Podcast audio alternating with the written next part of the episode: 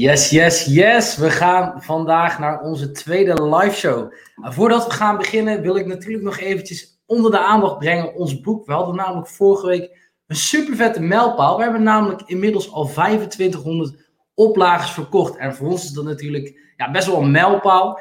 En ben jij benieuwd wat er nou in dat boek staat? Heb je hem nog niet besteld? Dan kun je hem met het onderstaande linkje kun je bestellen voor slechts 4,95 euro. Dus zorg dat je deze ook in huis haalt. Alright, Chantal, we hebben vandaag een hele bijzondere gast in onze show. We gaan het over iets heel erg leuks hebben. We gaan het namelijk over relaties hebben. En dat is iets heel anders dan waar we het normaal over hebben. Het is bij ons altijd heel vaak over financiën gegaan. Maar vandaag gaan we het dus uh, ja, over een onderdeel hebben wat financiën misschien wel kunnen brengen of juist ook totaal niet. En hoe sta jij daarin? Wat denk?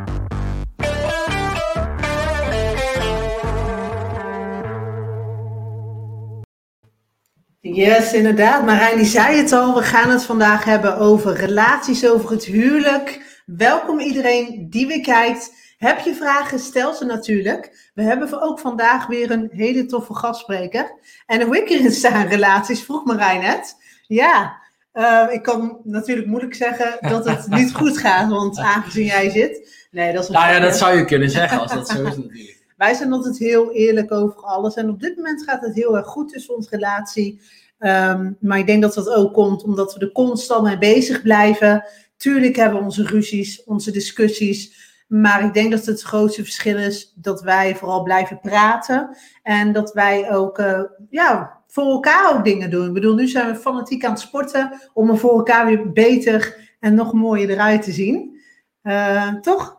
Ja, zeker. Nou ja, goed. het is natuurlijk niet alleen maar voor elkaar. Je doet het natuurlijk ook voor een gedeelte voor jezelf. Maar uh, uh, in zekere zin denk ik dat wij elkaar daar ook weer bijvoorbeeld mee motiveren. Want als ik zie dat jij doorgaat, en uh, ja, weet je, dan denk ik ook, oké, okay, fuck it, ik moet vandaag ook gaan, want uh, ik wil niet achterlopen. Dus... Met sporten en zo bedoel je? Ja, misschien wel in algemene zin. ik denk wel dat 1 plus 1 geen 2 maar 3 kan zijn. Ja, in zowel absoluut. negatieve als positieve ja. wijze. Absoluut, daar ben ik het mee eens. Maar voordat we onze gastspreker aankondigen, heb ik sowieso een vraag voor jullie. Dus zet die even in de comments. Wat denk jij dat de nummer één reden is dat mensen uit elkaar gaan? Ik ben eigenlijk best wel benieuwd wat onze kijkers daarvan vinden. Dus zet hem even in de comments. Wat denk jij dat de nummer één reden is dat mensen. Wat denk jij?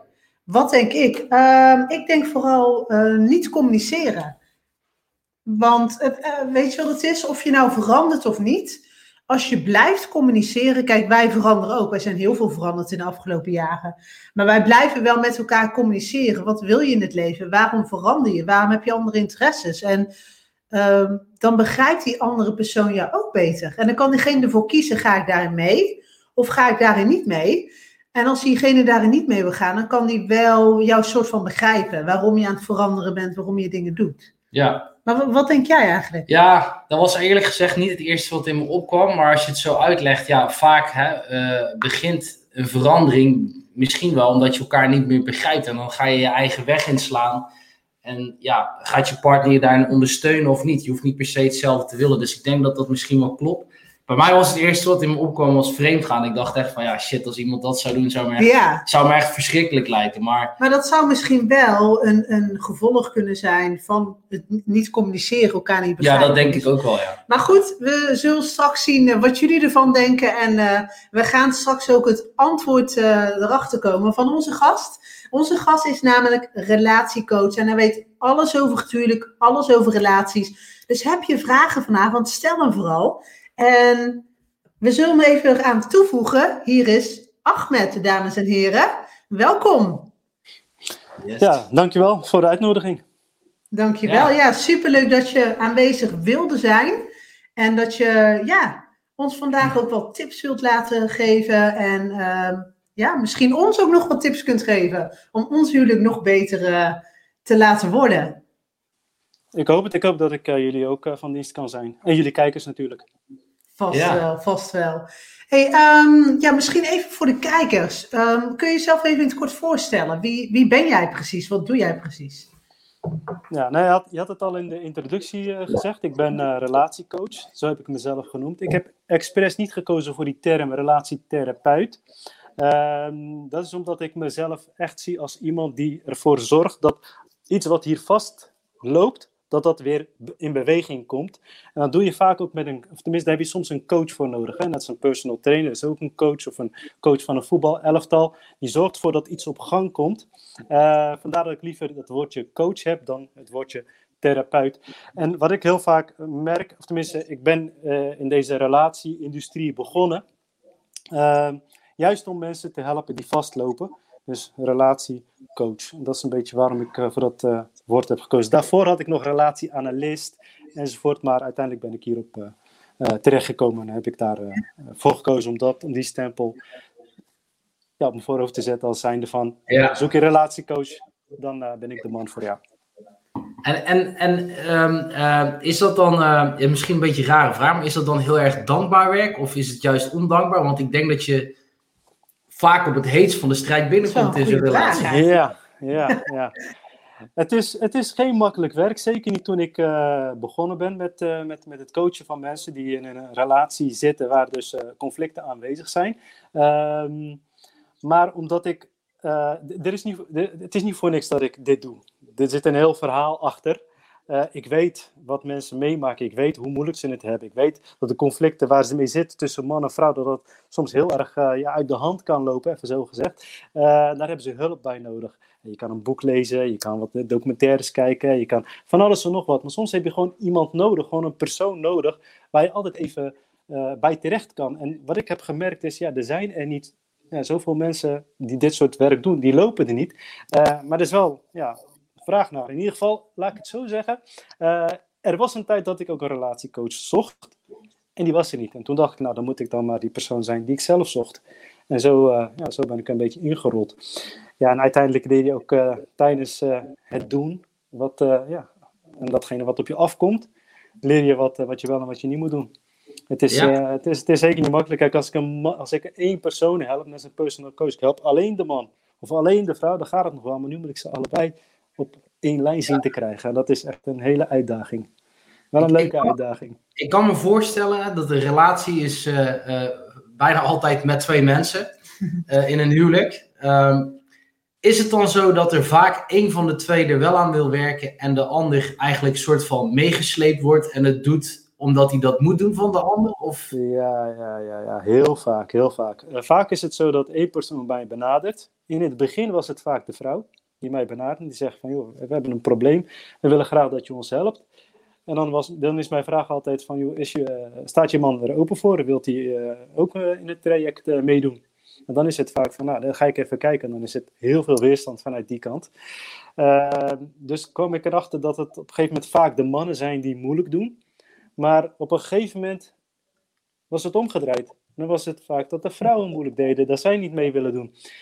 En het is heel lastig om ze allebei aan tafel te krijgen. Maar als het altijd zover is, dan bedanken ze altijd voor het feit dat ze die stap hebben genomen. Want ik begrijp ook nu dat het geen makkelijke stap is. Want ja, je ziet heel vaak dat de een zegt, ja, maar het ligt niet aan mij, het ligt aan de ander.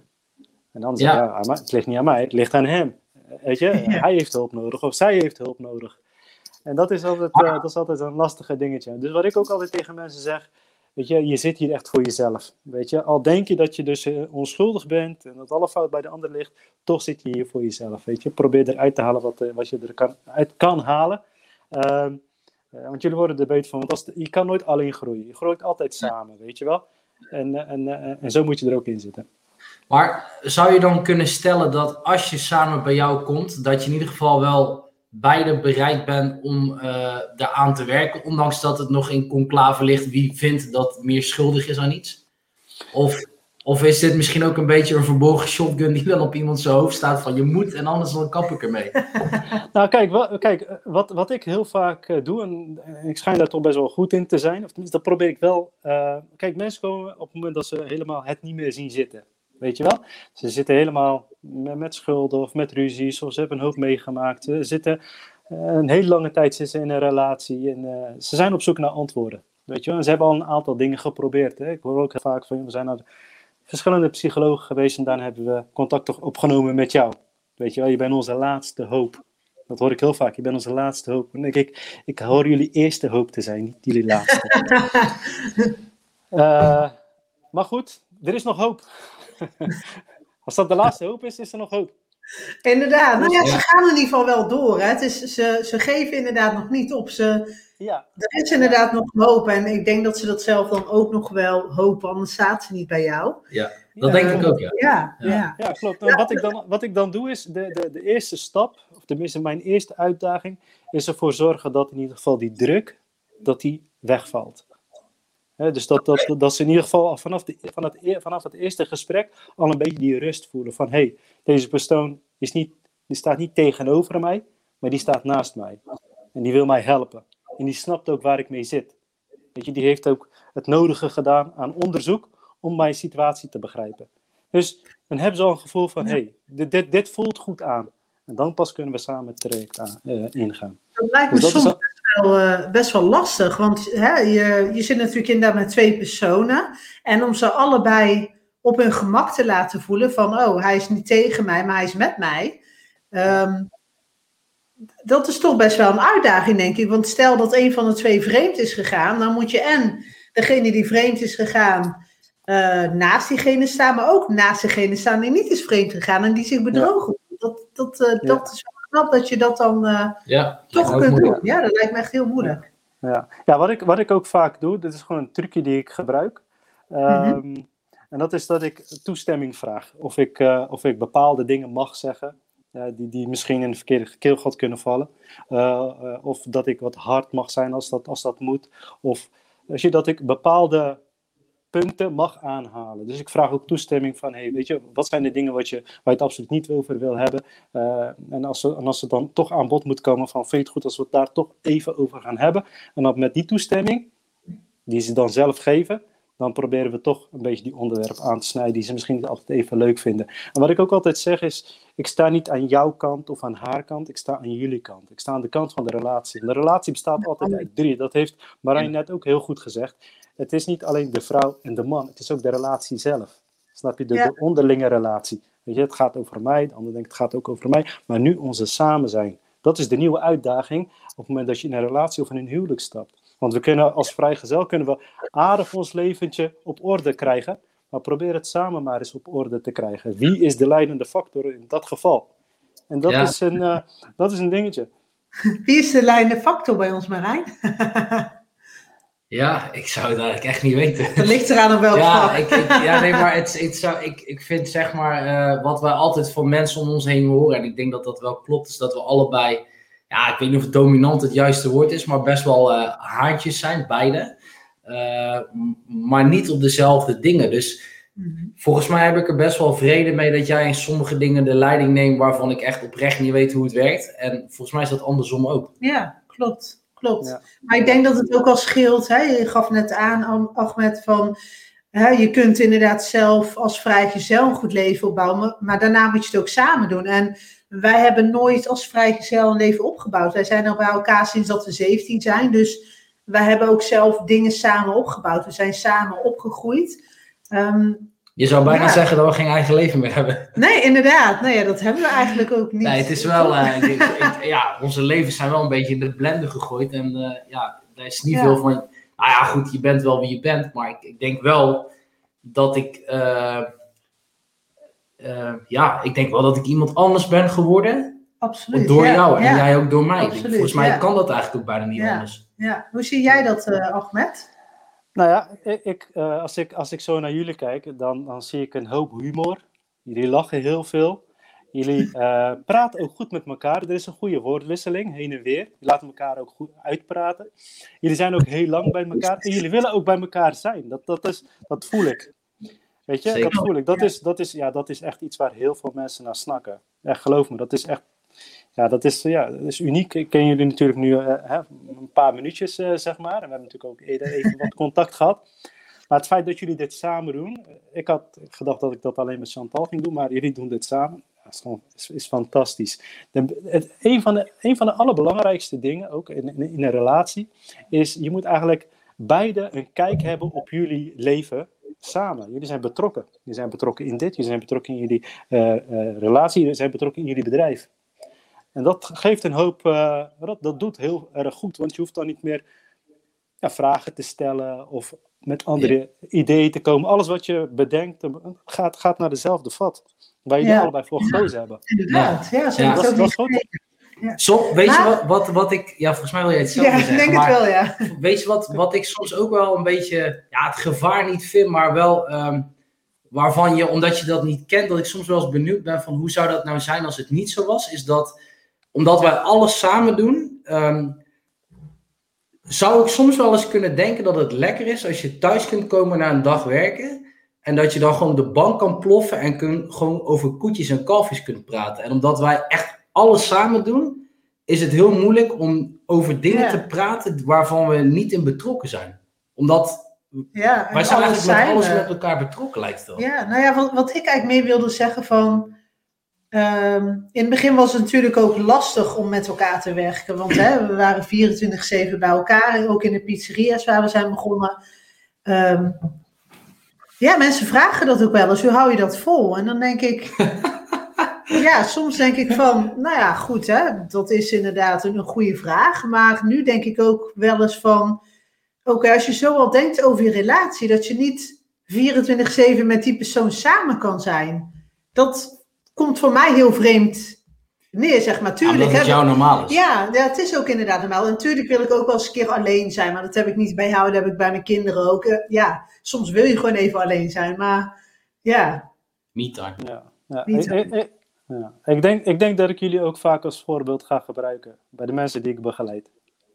Oh, wow. Want Nee, nee, Ja. Ja, ja, ja, super, ja. ja. Gewoon weer Kijk, mogen en- blij. Ja, en, en, ik zie, en ik zie heel veel goede eigenschappen. Eh een van de dingen die ik zie is dat jullie het vaak met elkaar eens zijn. Of in ieder geval dat je de ander zijn mening eh, waardeert. En eh die overweging, hoe noem je dat? Eh, you, you take things in consideration, eh, zeg maar. Eh, Mhm. Dus dat je zegt van, nou, wat, wat jij zegt, dat klopt, daar kan ik me in vinden. Of ik, het is in ieder geval iets wat ik niet van tafel veeg, weet je wel? En dan eh, legt hij datgene wat hij vindt. Dan hebben we in ieder geval twee dingen waar we, aan, eh, waar we naar kunnen kijken. En dat, dat, ja, dat, vind ik, dat vind ik leuk om te zien. Dat vind ik leuk om te zien bij jullie. En jullie zijn het niet, niet vaak met elkaar oneens. En dat hoeft ook niet, omdat het, eh, jullie hebben het over hetzelfde. Het is dezelfde. Het, is hetzelfde. het gaat om hetzelfde. Ik denk, ik, ik denk dat wij het niet altijd per se met elkaar eens zijn. Wel vaak, denk ik. Hè. We, we willen wel ongeveer dezelfde dingen. Maar wat volgens mij wel klopt, en ik, dat zegt Ahmed eigenlijk ook wel, denk ik, is dat. ehm, ja, wij praten, dat is ook makkelijk hè, als je elkaar heel veel ziet. Hè. We werken onder hetzelfde dak, we, we doen alles onder hetzelfde dak. Ja. Dus spreken, spreken dezelfde taal, ja. het is misschien, ja, nou, maar het is misschien Ja, wat makkelijker om eh, dingen met elkaar te bespreken. Alleen, ehm, ja, toch hoor je inderdaad ook wel eens, hè, dat eh, hebben we ook in onze omgeving bij andere relaties gezien, dat mensen alles samen doen, maar niet met elkaar praten. En dat, eh, Ja. dat vind ik best bijzonder eigenlijk. Ja, ja, maar ja. Nou, kijk, de, de, de, de, weet je, de, de, de, de, de vraag hier is echt: eh, eh, wil je bij de ander zijn? Want als de vraag ja is, dan wil je bij de ander zijn in alles wat hij doet, in alles wat ze doet. Weet je, daar ben je naar geïnteresseerd. Je snakt naar meer. Maar als je niet bij de ander wil zijn, dan zal alles omgevormd worden in een irritatie. Hoe die lacht, irritant. Zijn ideeën zijn onlogisch. Alles begint op een gegeven moment te veranderen in irritatie en frustratie. En dan wordt het samenwerken heel erg moeilijk. Dus het begint echt met, wil je bij, bij die persoon zijn? Want als ik jullie allebei pak, dan zeg ik altijd, ook tijdens eh, mijn coaching, dan zeg ik, als ik jullie nou allebei pak, ja, en ik zet jullie onder een brug. En ik, en ik, en ik strip jullie van al het geld, al het luxe, alles wat je hebt. Ik zeg, hoe, weet je, willen jullie dan wel bij elkaar zijn? Weet je? Je hebt, je hebt, je hebt helemaal niks. Absoluut, daar ja. begint het. En als, je, en als je dan zegt, ja, toch willen we bij elkaar zijn, dan zeg ik, weet je, vergeet dan, dan, dan doe ik even met een toverstokje dit zo, poef, en opnieuw hebben jullie helemaal niks. Jullie zijn straat en straat en straatarm. Dat is altijd waar je dus jezelf naar terug moet brengen, naar uiteindelijk jullie twee en niemand anders. Als je dan nog zegt, ja, we willen bij elkaar zijn, breng het altijd terug naar dat niveau.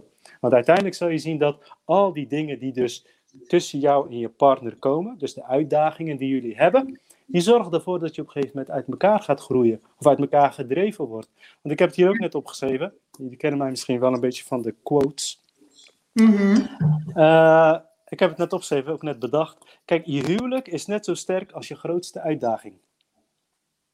Dus je had, Marijn had het net over, eh, weet je, ehm, weet je, wat nou als we dit bedrijf niet samen zouden runnen en we zouden, ik, ik zou thuiskomen, ploffen op de bank, weet je wel, en we zouden een ander onderwerp gaan bespreken in plaats van dit, hoe zou ons leven er dan uitzien? Hoe zou ons huwelijk er dan uitzien?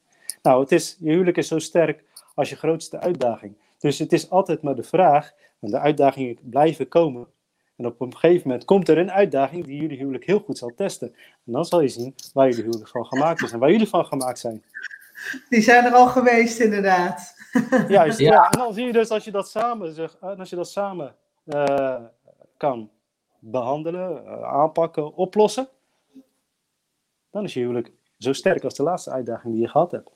En, dan, ja. en als, ja, als het gelukt is, dan, is je, dan heb je een sterke fundatie samengebouwd en een sterke ja, structuur. Het is, dus het is inderdaad mooi ja, dat je dat zegt, want ook inderdaad, wij maken nu ook beslissingen, sommige beslissingen maken we nu, omdat we zeggen van, dat is niet goed voor onze relatie. Als we dit gaan doen, ondanks dat het misschien leuk lijkt of makkelijk is of veel geld oplevert, we nemen die beslissing niet, omdat dat slecht voor ons huwelijk is, voor onze relatie. Toch? Ja, ik weet dus dat is eigenlijk wel, wel mooi dat je dat zegt. Dat, ja, dat is ook zo. Um, ja. ja. en dat is ook wat ik ook tijdens mijn coaching sessies doe, is uh, zeker in het begin, als we dus die intake hebben, ook een beetje om de mensen het gevoel te geven dat ik begrijp in welke situatie ze zitten. uiteindelijk willen ze natuurlijk van, joh, maar begrijp je mijn situatie? En dan is het, uh, vertellen ze een heel lang verhaal, en dan ben ik uh, aan het schrijven, om hmm. één ding achter te komen. En dat is, wat is het zwaarst wegend probleem wat ze op dit moment hebben? Het zijn er meestal een hele reeks maar wat is mhm. dan het zwaarst wegend probleem? En meestal is dat iets wat vaak terugkomt. Je hoort dat heel vaak. Dus als ik, heel, ik, ik luister heel goed naar wat ze zeggen. Uh, en wat, datgene wat heel vaak terugkomt, met, met, met wat meer emotie dan normaal gesproken, dat, dat beschouw ik dan als het zwaarst wegend probleem. Dan geef ik altijd aan van, oké, laten we dat als eerst gaan aanpakken. Want als je dat kan oplossen, dan is het bewijs dat je genoeg skills hebt, genoeg vaardigheden hebt om ook al die andere dingen op te pakken. Maar we nemen dit eerst als prioriteit. Ja, hey uh, Ahmed, um, de mensen die bij jou binnenkomen qua leeftijd, of misschien zou ik ook kunnen zeggen lengte in relatiejaren, zit daar een soort van rode draad in? Natuurlijk, hè, dat zal elke keer anders zijn, maar zijn het mensen die vaak al een beetje op middelbare leeftijd zijn, jong, oud, uh, eh, 20 jaar samen, 5 jaar samen? Um, ik heb één keer 23 eh, jaar gehad. Oh, wow. Samen? Of Samen, ja. ja. En, ik heb, eh, en ik heb, en volgens mij de kortste, volgens mij was het drie maanden. Wow. Dat is kort. Ja, dat is heel kort. ja. Ja, ja. Oké, okay, bijzonder. Hey, en is, laat uh, helemaal teruggaan, want jij gaf zelf ook aan dat je de mensen begrijpt, omdat je zelf waarschijnlijk ook uh, iets hebt meegemaakt in jouw verleden ja. over relaties. Um, kun je daar wat over zeggen? Wil je daar wat over zeggen? Of... Ja, ja. Nou, kijk, kijk als, um, als, ik, als ik over het huwelijk praat. En, dan, ik probeer mezelf daar een beetje van tegen te houden, even zo gezegd. Maar ja, ik krijg het maar niet voor elkaar. Uh, maar dan lijkt het alsof het heel erg negatief is, weet je wel. Heel negatief, negatief beladen. Van problemen, problemen, weet je wel. En dat, dat is een beetje een, uh, een, een, dingetje wat, wat een verkeerd beeld altijd kan schetsen voor, voor, voor mensen die misschien nieuw zijn en het huwelijk willen treden. Maar het hele doel voor mij om dit, om dit te gaan doen, uh, het boek wat ik ook heb geschreven, jij hebt het boek gepromoot, misschien mag ik ook even mijn boek promoten. Tuurlijk, ja. Het huwelijk is, het huwelijk is simpel, ja. Nou kijk, laat ik bij het begin beginnen. Ja, nou, dat is hem dus. Laat ik bij het begin beginnen. Um, in het begin wilde ik dus een boek schrijven en dat ging over uh, zelfontwikkeling. Weet je, hoe je jezelf wat sterker in het leven kan staan, hoe je succesvol kan zijn, je lichaam, je geest, um, enzovoort. Maar ik ben op een gegeven moment gestopt met dat boek schrijven. Waarom? Want in de tussentijd ging ik zelf trouwen. Weet je wel? Mm -hmm. En dat is iets waar ik, uh, waar ik dus eigenlijk echt goed op heb voorbereid. Weet je dat is mij ook goed. Het is niet zo dat mijn vader naar me toe kwam en zegt van, jongeman, je gaat nu trouwen. Even wachten, Ahmed, want de verbinding valt even weg. Misschien ook dat je camera vastloopt. Hoor jij ons nog, Ahmed? Volgens mij gaat hij nu weer goed. Ik hoor jullie, ik hoor jullie wel. Oké, okay. volgens nou, mij gaan we weer goed. Ja, Ja, Ja, er hangt een kleine vertraging in, jouw in jouw stream. Ja, ik zie het. Ehm, oh nee, wacht, nu gaan we goed, denk ik. Volgens mij gaan we weer goed nu. Maar krijgen jullie wat vragen Ja. binnen? Ehm, We krijgen wel wat comments binnen, daar komen we zo meteen eh, op. Ehm, ik zie maak eerst even je vraag af, hè? want je wilde dus inderdaad het boek gaan schrijven. Ja, klopt. Dus in het boek dat, dat ging dan over eh, zelfontwikkeling. En volgens mij was de titel eh, Waarom jij niet? Weet je wel? Dus kijk, vroeger was ik toch een beetje van een ander is altijd beter dan mij. Weet je wel? Van een ander is altijd slimmer dan mij. Een ander weet het veel. Dus ik, ik, ik was meer een beetje zoekende naar eh, antwoorden eh, voor, voor mezelf. En ik wilde toch een beetje gaan peilen van waar sta ik eigenlijk een beetje ja, in dit leven. Mhm. maar ik kwam op een gegeven moment kwam ik erachter dat als je, als je iets wil, weet je, dan, dan, moet je, dan, dan moet je onderzoek doen naar hoe je zelf kan groeien als mens. Dus, en ik ben zo'n iemand dat als ik, een, als ik iets nieuws ontdek in mijn leven, wat een doorbraak kan zijn voor de oude Ahmed en de nieuwe Ahmed, dan eh, wil, ik wil ik dat gelijk documenteren, wil ik dat gelijk opschrijven, weet je wel? En het boek heette dan ook Waarom jij niet? En dat is dan een vraag die, die ik aan mezelf zou stellen van Ahmed, je, je denkt wel dat andere mensen iets kunnen of beter, er- ergens beter in zijn. Maar waarom ben jij niet ergens beter in dan een ander? Of waarom ben jij niet succesvolle, eh, waar een ander tegen, eh, naar opkijkt en bij wie mensen het gaan om vragen te stellen? Dus waarom jij niet? Waarom sta jij niet op het podium? Weet je wel? Waarom sta jij niet eh, hier voor een camera eh, een interview te doen? Weet je wel? Dus al die dingetjes, dat, die vragen die had ik heel, heel lang. Maar op een gegeven moment ging ik dus trouwen. En dat was ook iets waar ik dus ook nooit echt eh, onderzoek naar heb gedaan, nooit heb voorbereid. Mijn vader mijn ouders hebben me er ook nooit echt op voorbereid. En dus in de eerste paar jaar ging het ook gewoon goed tussen mij en mijn vrouw. Ik had ook echt niet het idee dat ik iets meer moest gaan doen dan wat ik normaal gesproken had te doen. Ik was een goede jongen, weet je wel. eh, ik deed niks verkeerds, weet je wel. Ik was altijd goed op school. Dus wat kon ik nou, wat kon mij nou treffen aan problemen, bij wijze van spreken, in mijn huwelijk. Maar op een gegeven moment kwam ik erachter dat het niet allemaal, dat het niet, niet lekker liep in mijn huwelijk. Het liep niet lekker. Weet je, er kwam steeds meer frustraties, steeds vaker miscommunicatie, steeds vaker eh, frustraties, dingen die niet lekker lopen. De druk werd steeds hoger en hoger en hoger. We begrepen elkaar vaak niet. En ik ben zo'n iemand dat als ik een klein beetje pijn voel, dan trek ik al meteen aan de bel. Dus ik dacht al gelijk van, weet je, dit, dit, dit kan niet. Dit is, dit is niet wat ik gewend ben, weet je. Eh, Waarom, waarom overkomt mij dit? En we hadden niet heel veel grote problemen, maar het was in ieder geval groot genoeg voor mij om te zeggen van, hey, er is iets wat ik niet weet. Dat brengt me altijd naar de volgende fase. Er is iets wat ik niet weet. Ik maak nu iets mee, maar er is iets wat ik niet weet. Als ik daarachter kom en ik weet het, dan kan ik die doorbraak maken naar de volgende fase. En toen eh, dacht ik van, ik moet onderzoek doen naar het huwelijk. Ik moet weten wat het huwelijk is. Ik moet weten waar ik in ben gestapt. Ik moet het gewoon weten. Niemand heeft het me verteld. Ik moet weten. Want eh, ben ik, weet je, hoe, hoe denk ik? Hoe denkt mijn vrouw? Hoe, hoe zitten wij Ja. in het leven? Weet je? Eh, dat is niet hetzelfde. Die twee dingen zijn ja, ja, verschillend van elkaar. En om goed samen door één deur te kunnen, moet ik daar heel veel, moet ik daar de informatie van hebben. Nou, in ieder geval, eh, wat ik gedaan heb, is, eh, ik heb letterlijk, want wat ik zeg, een relatiecoach kon ik op dat moment niet vinden. En ja, binnen mijn kringen, zeg maar, is het niet altijd eh, gangbaar dat je naar een relatietherapeut gaat. Weet je, dat, dat, kende ik niet. Weet je wel, je gaat niet naar een relatietherapeut. Dus ik kon ook bij niemand terecht met vragen. Dus wat heb ik gedaan? Is ik heb, eh, ik heb wat in mij opkwam, wa- was een aantal dingetjes. En dat is één, mijn eigen huwelijk zoveel mogelijk analyseren. Dus echt wat ik zeg, hoe wij communiceren, hoe vaak wij ruzie hebben, wat we zeggen, wat, dus echt wat, wat een soort helikopterview creëren op mijn eigen huwelijk. En dan wil ik dus ook mijzelf ook zien, hoe ik. Ben ik nog in beeld? Je bent, Gaat goed, je bent Ja, nog in beeld, ja. Je bent nog in beeld, Zeker. absoluut. Ja? Oké, ik, was Ja. ik was jullie even kwijt.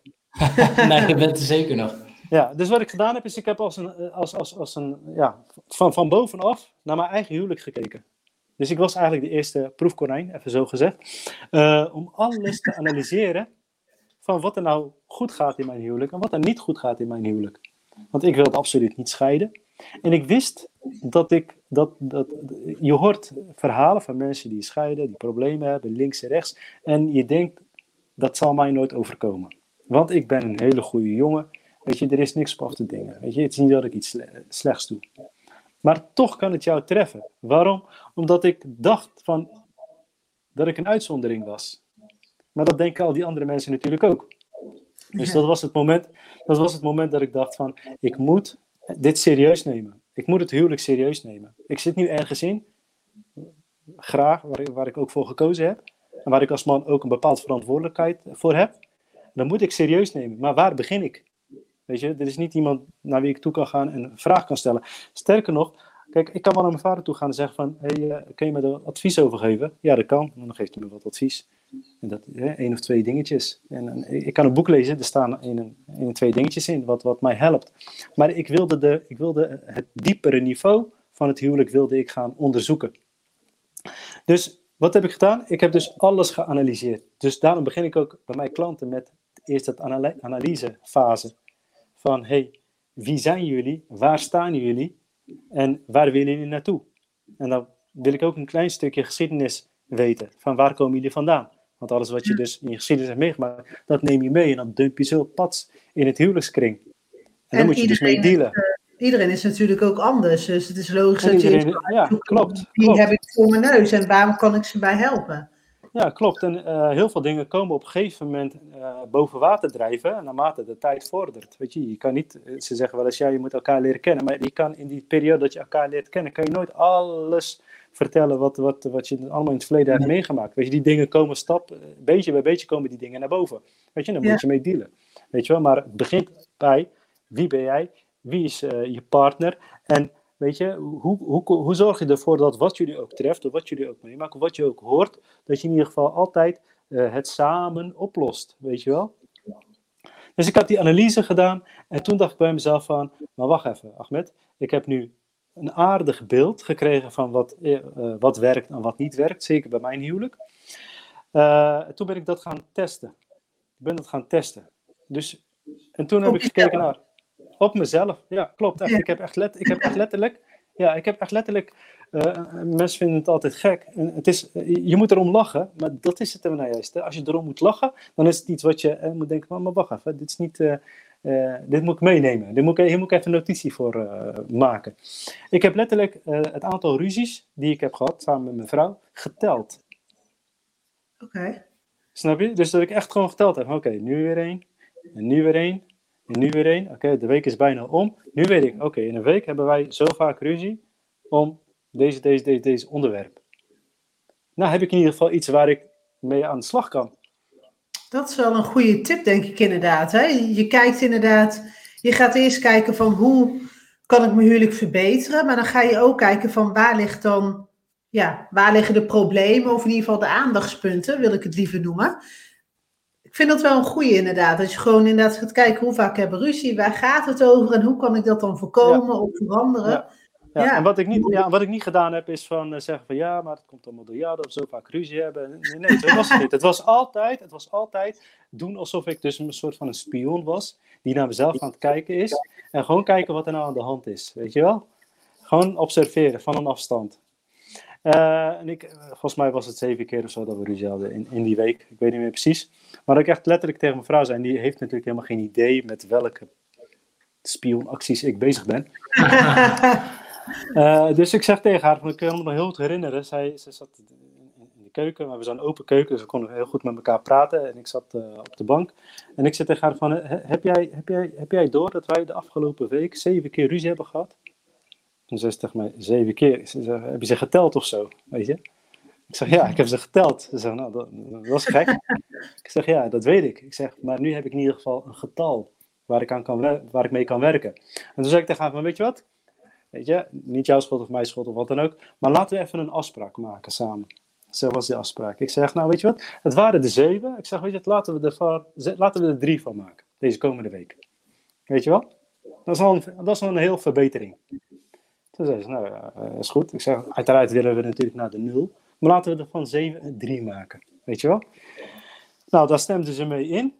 maar dan ga je dus bewuster, ga je dus met elkaar in gesprek en ga je bewuster opletten van, oh, weer zo'n moment. Eh, niet doen, of anders aanpakken, of whatever. Nou, uiteindelijk is het nul geworden. Alleen omdat we er dus bewust van zijn geworden van hoe we met elkaar communiceren en wanneer het vaak uit de hand loopt. Ja. Dus bewustwording Een van... is, is wel dergelijk iets anders dan een discussie natuurlijk. Ik neem aan dat je wel discussies hebt met je vrouw. Discussies? Nou, liever niet. Nooit Ja, discussiëren. Nooit werk. We discussiëren. werk te doen. Wij hebben wel eens discussies, maar Nee, nooit, ja, nooit discussiëren. discussies, denk ik. Wat zei je, Ahmed? Nooit discussiëren. Oké. Zal ik je vertellen waarom?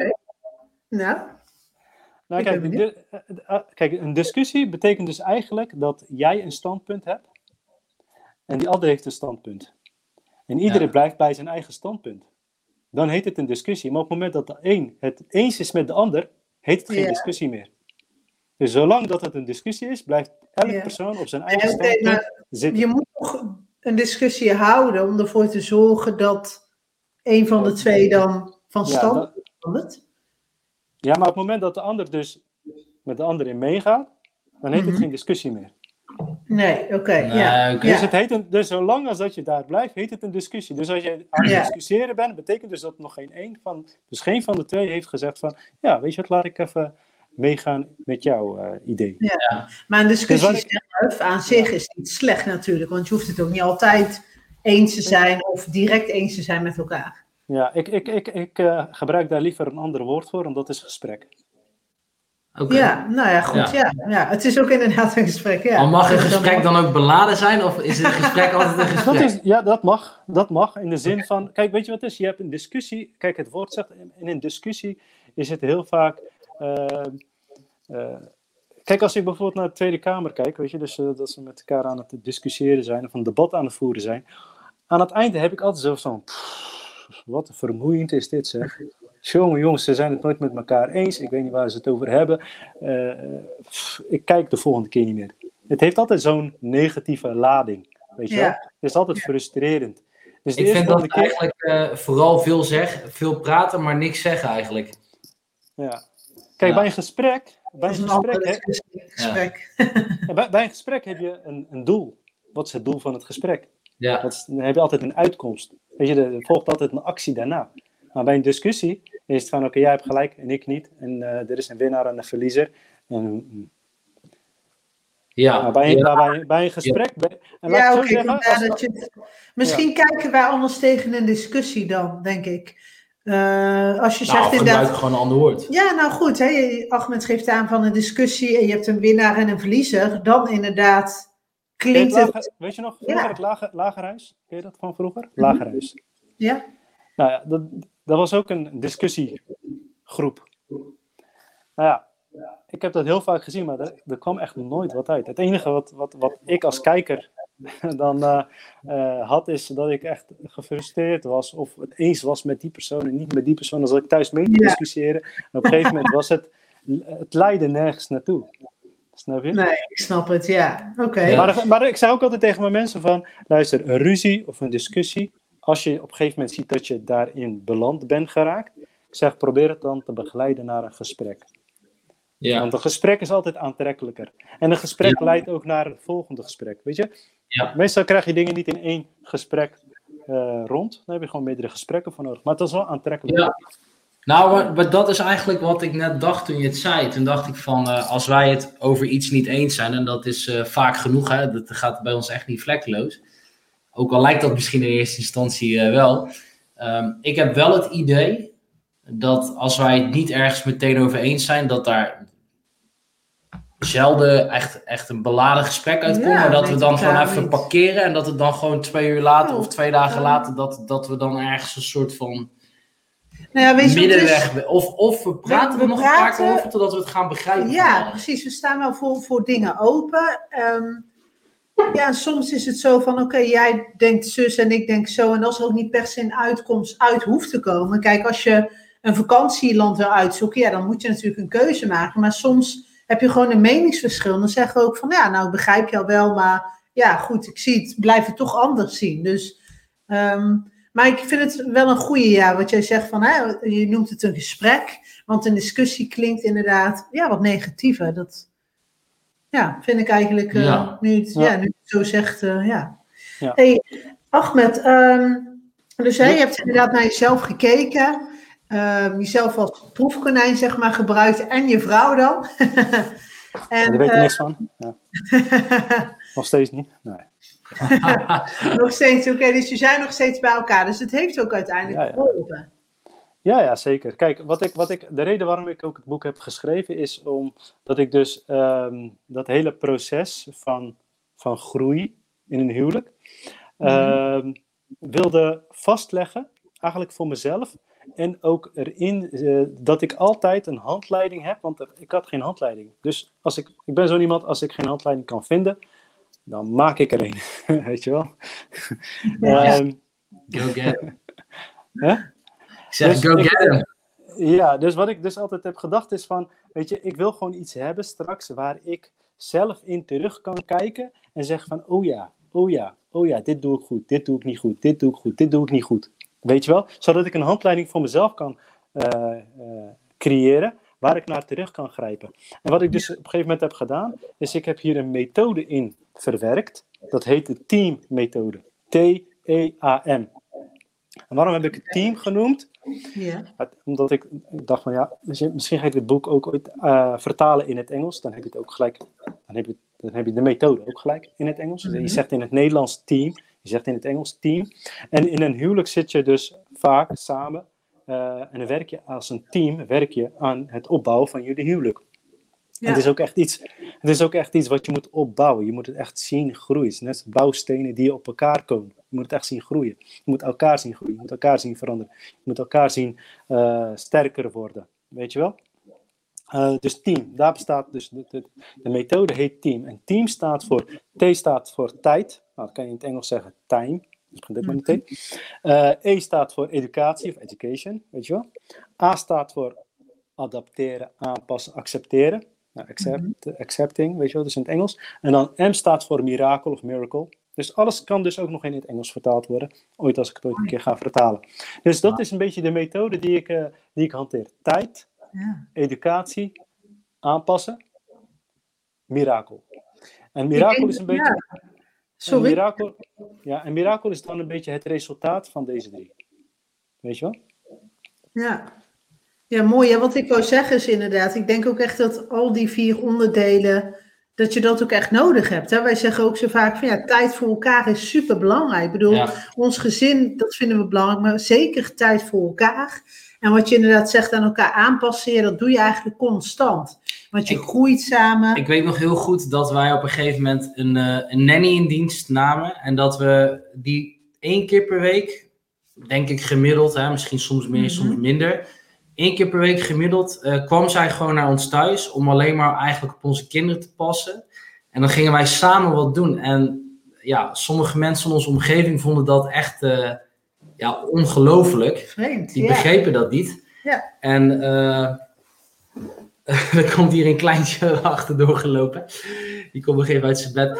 Maar wat, die vonden dat ongelooflijk. En die zeiden van, ja, maar je hebt toch nu een gezin, wil je geen tijd samen? En toen zei ik, ik zei toen van, ik zeg, luister, we hebben een gezin met z'n, eh, op dat moment met z'n drieën. Maar ik heb ook al, al tien jaar lang een leven samen met Chantal. En over twintig jaar heb ik eigenlijk, ja, niet helemaal natuurlijk, maar eigenlijk weer een leven samen met Chantal. Dus ik vind het onlogisch om nu voor 20 jaar te zeggen: Chantal, het is nu even 20 jaar niet meer wij met z'n tweeën. Maar over 20 jaar weer wel. En wij kregen daar best wel, eh, eh, nou, wel gefronste wenkbrauwen over, toch?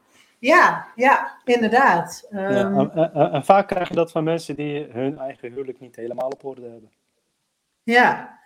Ja, dat, Ja. Dat, dat weet ik niet. Ik heb, Denk ik. Dat zou kunnen, inderdaad. Ik, ik heb daar niet zo dusdanig op doorgevraagd. Nee. Omdat ik het eigenlijk ook niet zo heel erg belangrijk vind wat hun daarvoor Nee, vonden. goed. maar- Nou ja, goed. Uiteindelijk weet je ook niet hoe een ander leeft. Iedereen is tevreden met iets anders.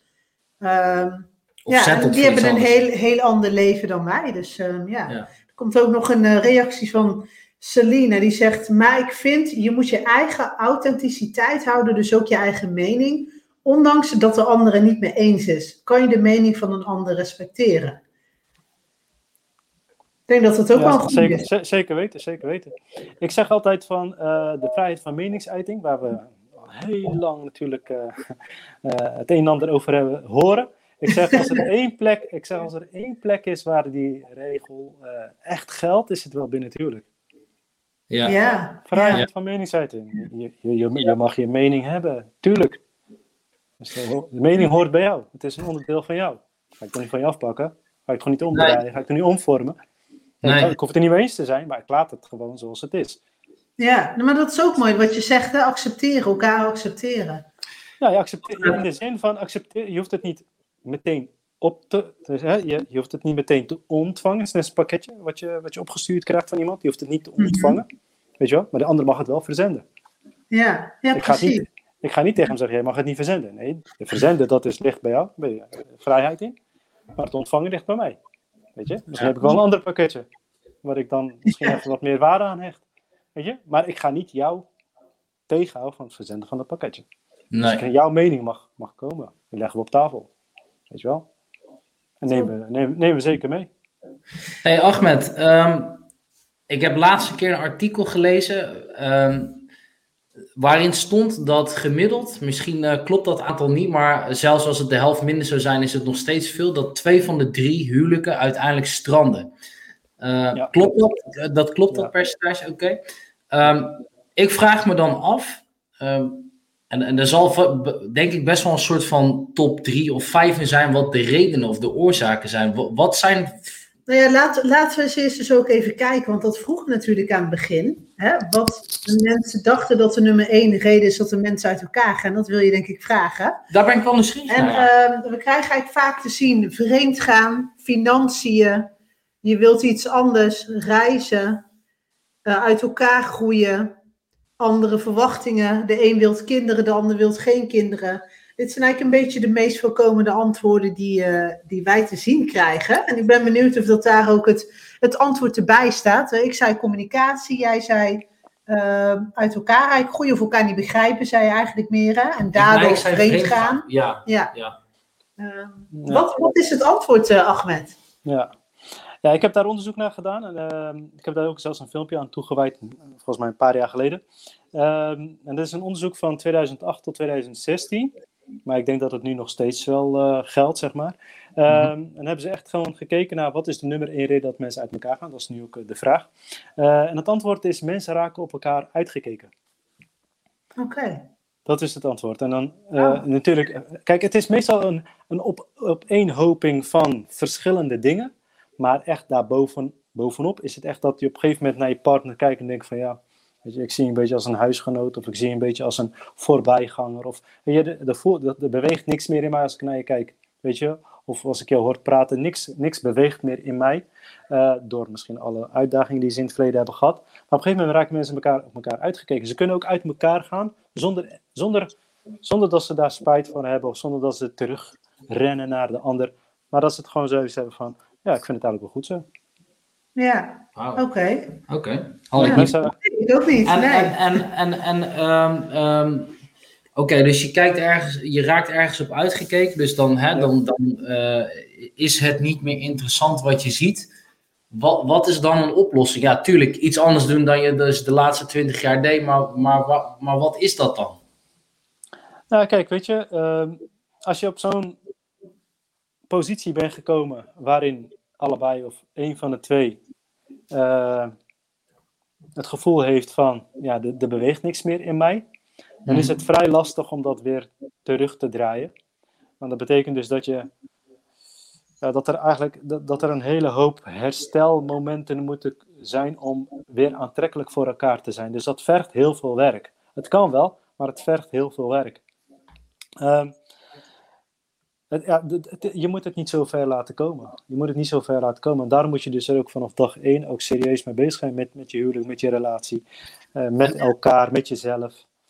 Ja. En, en, en is, het, is, het, is, het, eh, is er dan een soort van ehm, standaard punt waarop dit het meeste voorkomt? Is dit bijvoorbeeld eh, als je gaat aan kinderen begint, als je opa wordt? Of ehm, is daar een soort van eindpunt van hey, hier, hier komt het vaak voor dat mensen op elkaar uitgekeken zijn? Of? Nou ja, kijk, het is niet, het is niet altijd één ding. En bij elke relatie is het net even iets anders. Maar kinderen kunnen inderdaad een hele grote invloed hebben op de relatie zeker weten. Uh, het is ook de gezondheid van het kind. Als het kind gezond is, dan is het nog wel te doen. Maar als het kind niet gezond is en heel veel eh, hulp nodig heeft, heel veel zorg nodig heeft, dan kan dat een hele grote druk leveren op de relatie. Uh, ook heel veel tijd vergen. Dus dat, dat is de tijd wat, je dus, wat dus afgaat van, van de onderlinge tijd die jullie samen doorbrengen. Het kan zijn werk, weet je wel. Dus dat je heel veel werkt en geen tijd voor elkaar hebt. Het, het kunnen heel veel dingen zijn, weet je. Ja. en het is ook maar net daarom zeg ik van, de uitdagingen, dat is één, maar jouw inzet is twee. Weet je? Ja. Want als, als de uitdaging blijft overheersen, ja. Uh, ja. en je inzet is nul, dan, dan, ja, dan overwint dit het op een gegeven moment. Weet je wel? En dan zie je dus, een, en ook een, een hele belangrijke dingetje, wat, wat, wat, uh, wat Chantal in het begin zei, dat is communicatie. Weet je? Uh, want communicatie, je hebt, je hebt twee dingen in een, in een relatie. Dat, dat is altijd wat ik zeg, waar je aan moet denken.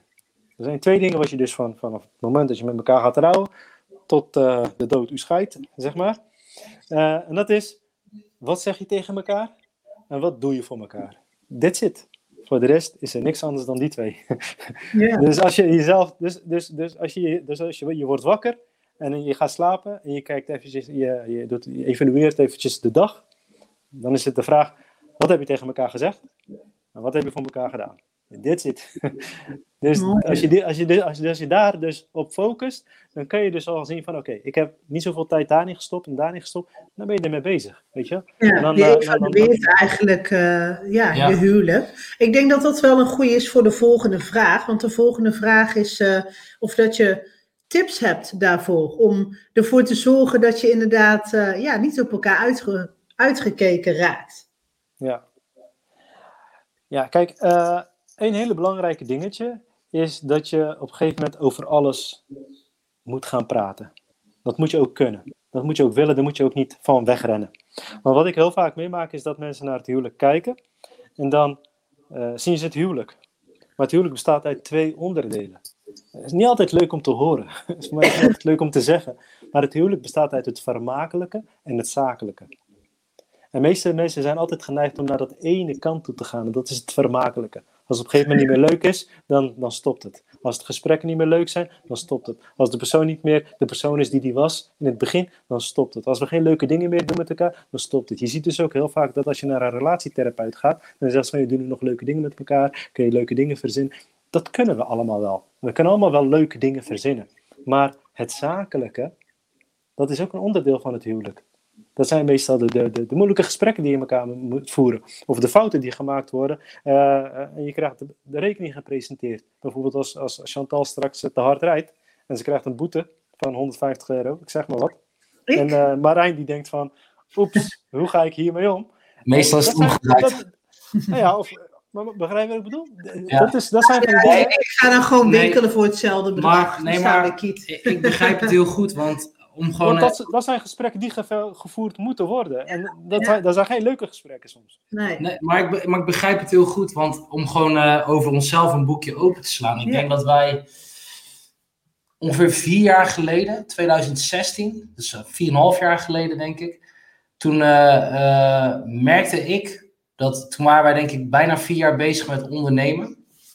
En ik, ik zei dat ook tegen Chantal en zij ik, volgens mij dacht je wel ongeveer hetzelfde ook. We hadden het daar gewoon over dat wij zo. Uh, uh, dus bij ons was het omgedraaid. Het vermakelijke was er eigenlijk te weinig. Wij waren gewoon zo obsessief met werken.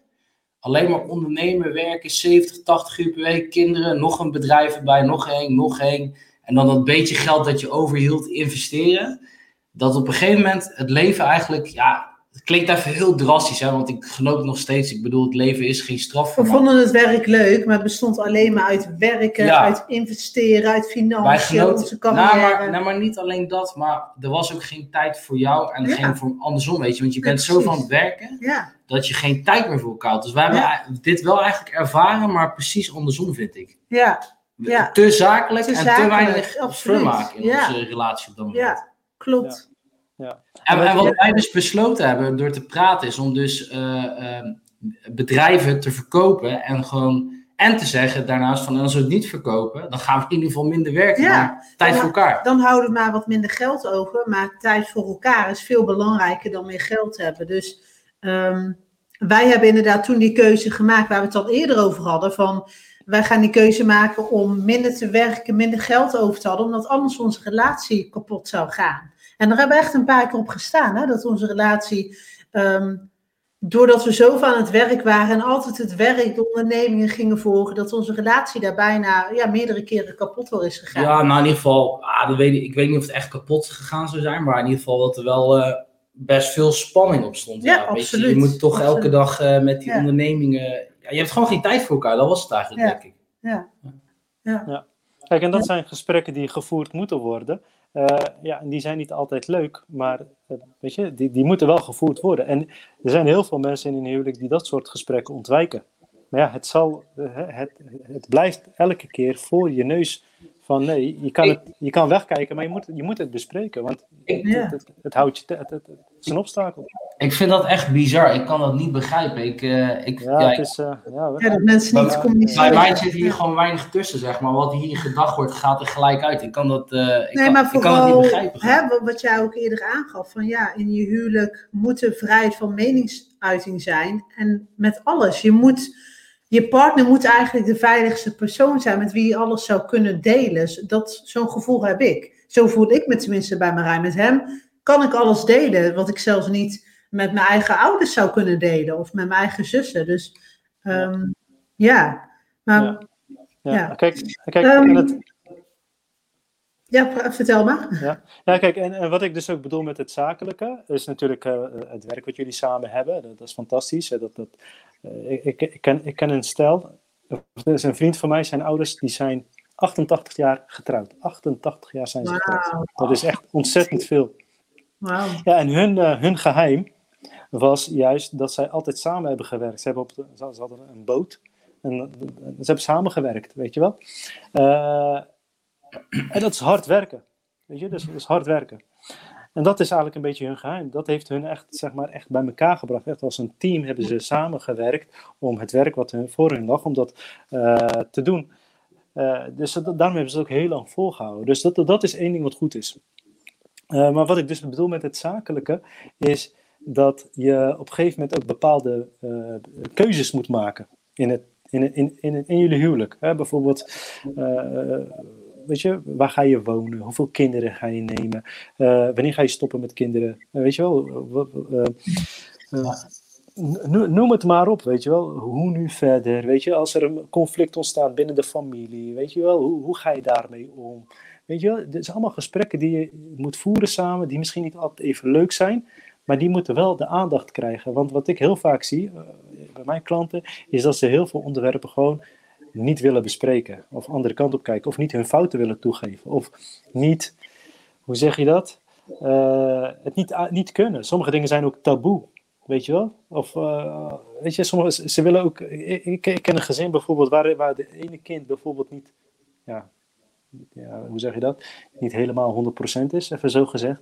Maar dat willen ze nooit erkennen. Weet je? Dus ze zullen altijd een andere gezicht houden bij, bij de rest van de familie. Als zijnde van dat er niks met hem aan de hand is. Het zijn allemaal Ja. van die gesprekken die wel gevoerd moeten worden, maar ze ontwijken het elke keer. Weet je Ja. En dat kan een bepaalde, ja, dat, dat draag je mee als last. En dat kan op een gegeven moment ja, zichtbaar worden in jou, hoe jij praat met je partner. Weet je, want ik zeg altijd tegen mensen die dus een relatie hebben, ik zeg, ik kan jullie vertellen wat jullie, ik kan jullie een hoop vertellen.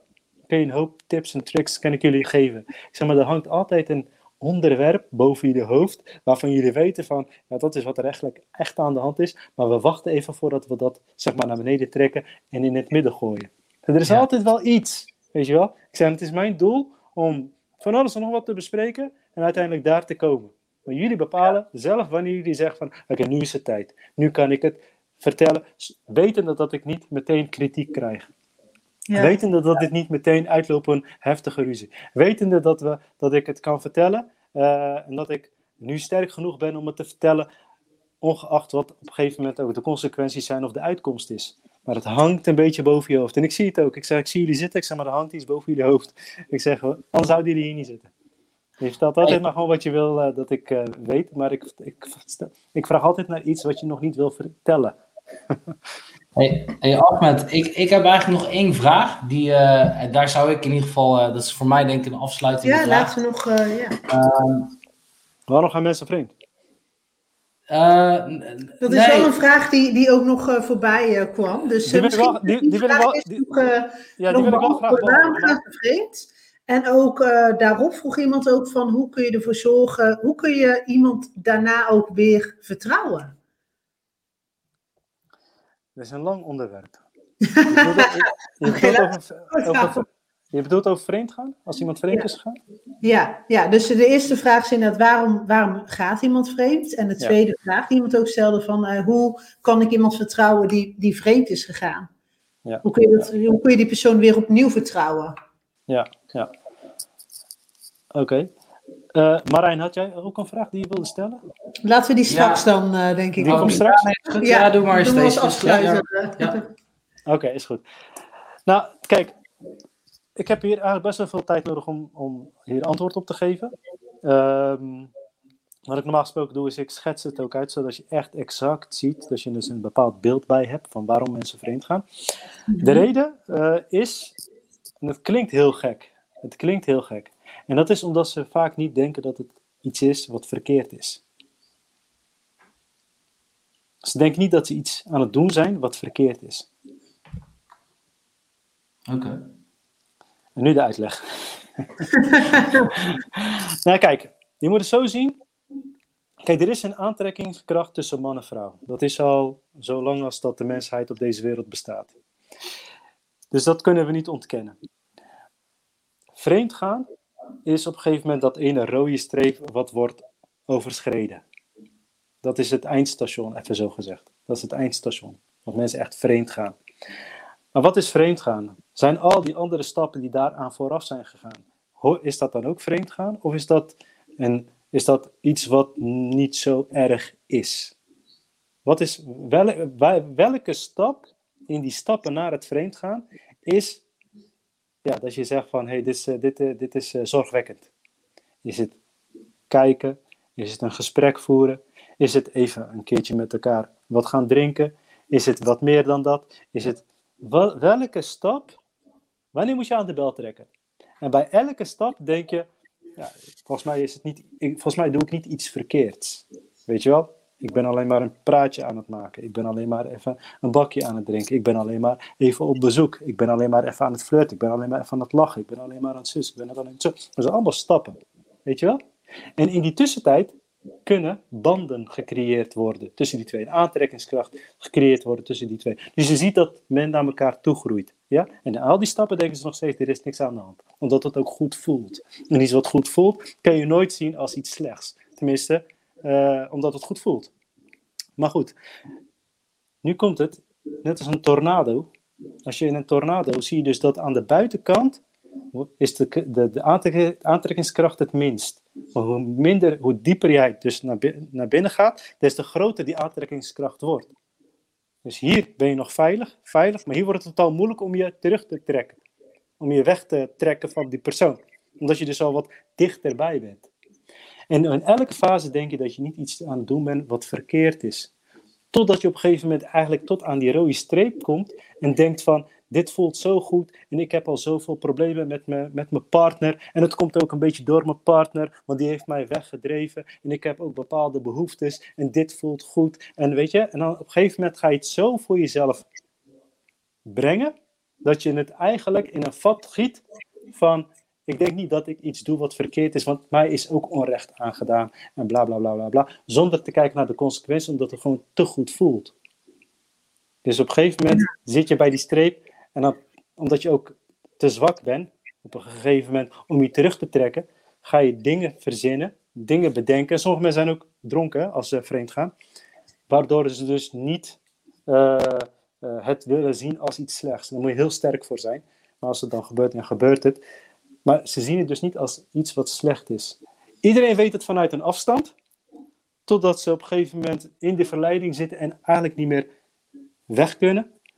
Ja, en dan uh, is het van, ik weet wel dat het slecht is, maar hoe kan dit nou slecht zijn als het goed voelt en bla bla bla. bla. Alle smoesjes komen dan in één keer naar boven. En wat ik zeg, mijn partner heeft me weggedreven en we hebben al zoveel problemen. En soms wordt het ook aangeraden van, hé, hey, als je problemen hebt, ga eens een keertje met een ander, uh, weet je wel, uh, lopen stoeien.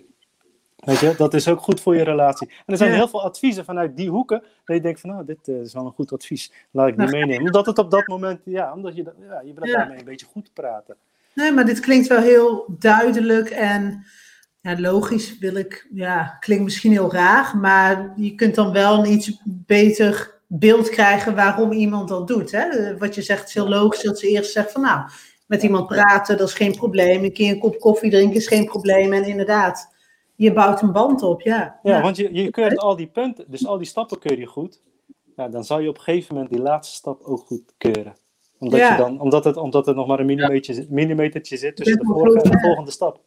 Ja, ja dat tornado-verhaal klinkt wel een soort van logisch dan. Ja, dan zit je er helemaal in.